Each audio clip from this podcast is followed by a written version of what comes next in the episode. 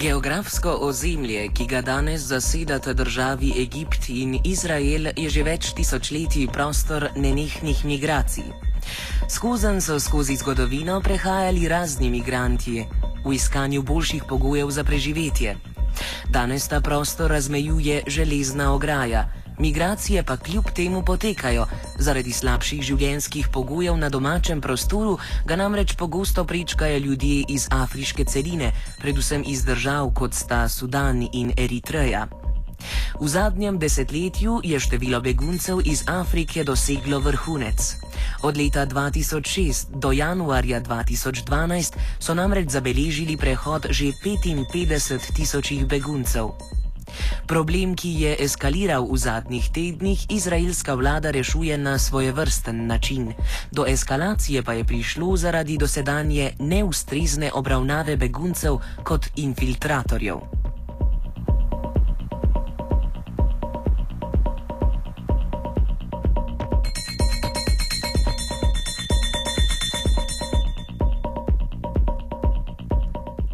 Še nedavno država Izrael ni imela razvitega sistema azilske politike.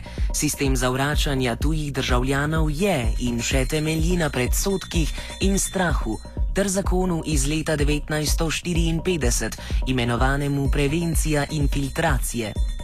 Izraelske oblasti na podlagi ohranjanja lastne kulture, ki izhaja iz izraelske etnološke identitete, sistematično zavračajo vse imigrante, tudi če ti ustrezajo pogojem za azil.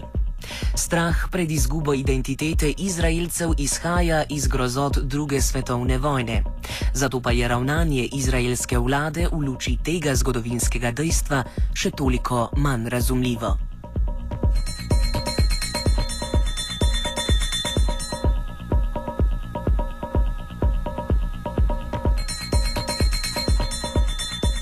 Rešitve izraelske vlade so povezane s sredstvi deportacije, kot javno oznanja premije Benjamin Netanjahu.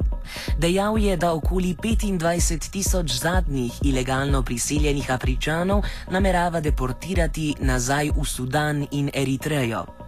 V skladu z reakcijsko politiko, ki jo izraelska vlada podaja skozi svoje organe moči, je v nedeljo v veljavo stopil zakon, ki državi omogoča ilegalno priseljenim oduzeti prostost za obdobje do treh let.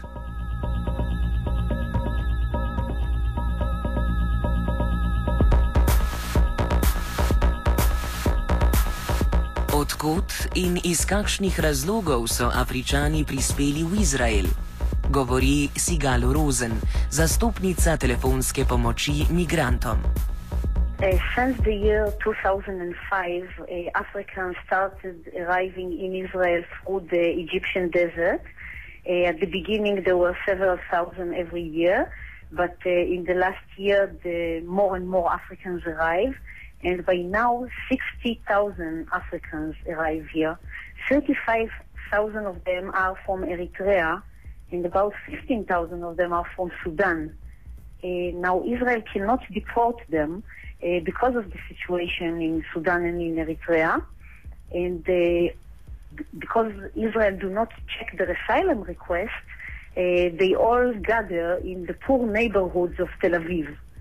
Um, it's uh, until lately uh, it was a problem because their number is very big and the population uh, was not ready to absorb so many uh, new uh, inhabitants uh, especially when they have no legal status and no assistance no kind of um, material assistance from the government. Um, and lately there were two rape cases apparently by Eritrean citizens and this was actually the kind of match that uh, the fire.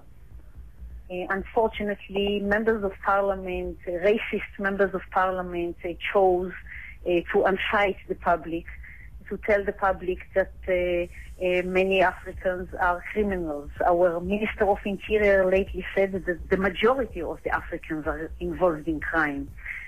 all this led the public to a lot of uh, demonstrations that developed into riots.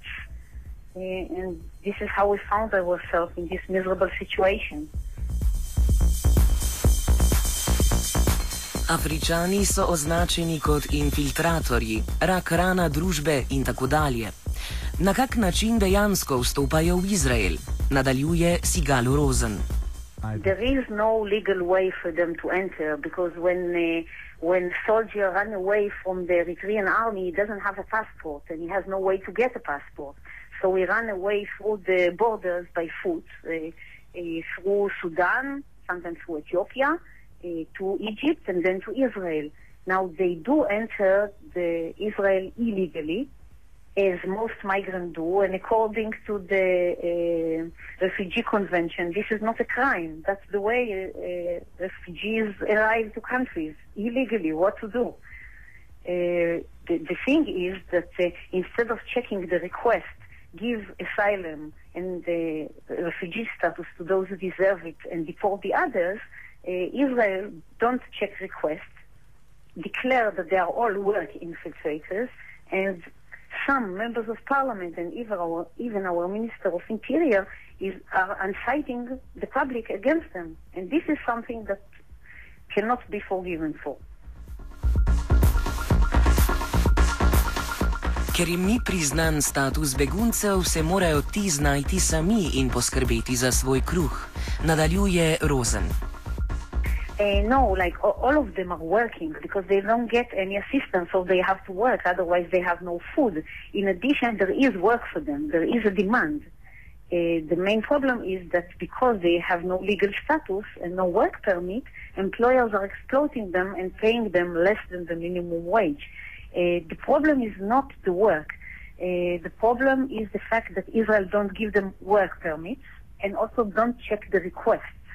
Uh, that means we have such a large group of people uh, who are, uh, if around the world, 83% of Eritreans are recognized as refugees, 64% of um, Sudanese are recognized as refugees. But in Israel, we have only 157 recognized refugees. That's all. And that's because Israel don't check requests of Eritreans and Sudanese. So none of them are being recognized as refugees. So the government keep on telling the public these people, they are not refugees, they are work infiltrators. They came here just to work. In addition, they don't give them work permit and they push them to the poorest neighborhoods of the country. And uh, it was just a matter of time before these riots will start.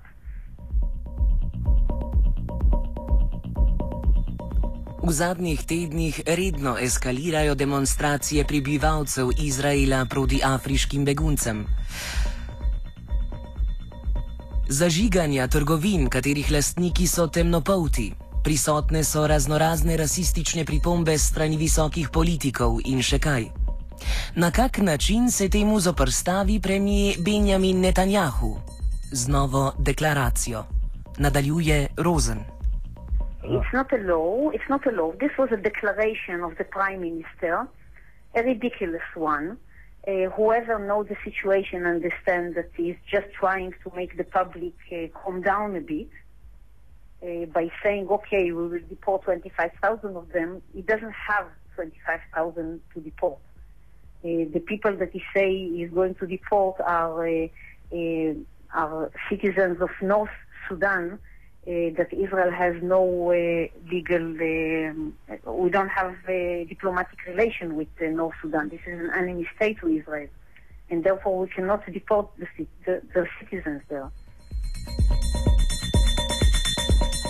Kaj mora storiti izraelska vlada, da se stanje umiri?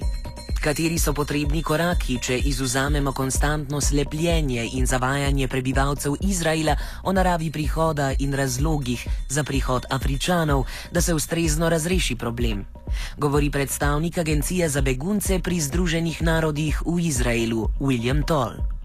No, I would say the first thing they have to do is they have to acknowledge that these people are indeed asylum seekers or refugees. Because you're aware that asylum seeker is a person who seeks asylum, and until his claim is heard, if he's then he can become a refugee. But uh, asylum seekers should be also granted protection while they're here. So asylum seekers and refugees should be. It's a reality in Israel, and they have to wake up to that now. And they've acknowledged they can't send them back, so they have to basically be honest and call them what they are, and then confer certain status on them. You know, I would say that uh, Israel, what we're trying to achieve is that they offer uh, these people, the Eritreans and Sudanese, some form of temporary protection. Končajmo Sigal Rozen. Čemu toliko prebivalcev Izraela podpira nehumano delovanje države in ga še sama podpihuje do skrajnih mer?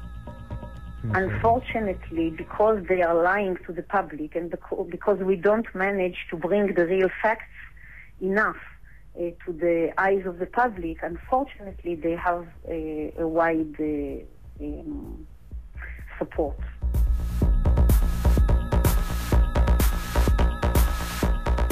Offside so pripravili vajenec Marko, Jankovič in Polona.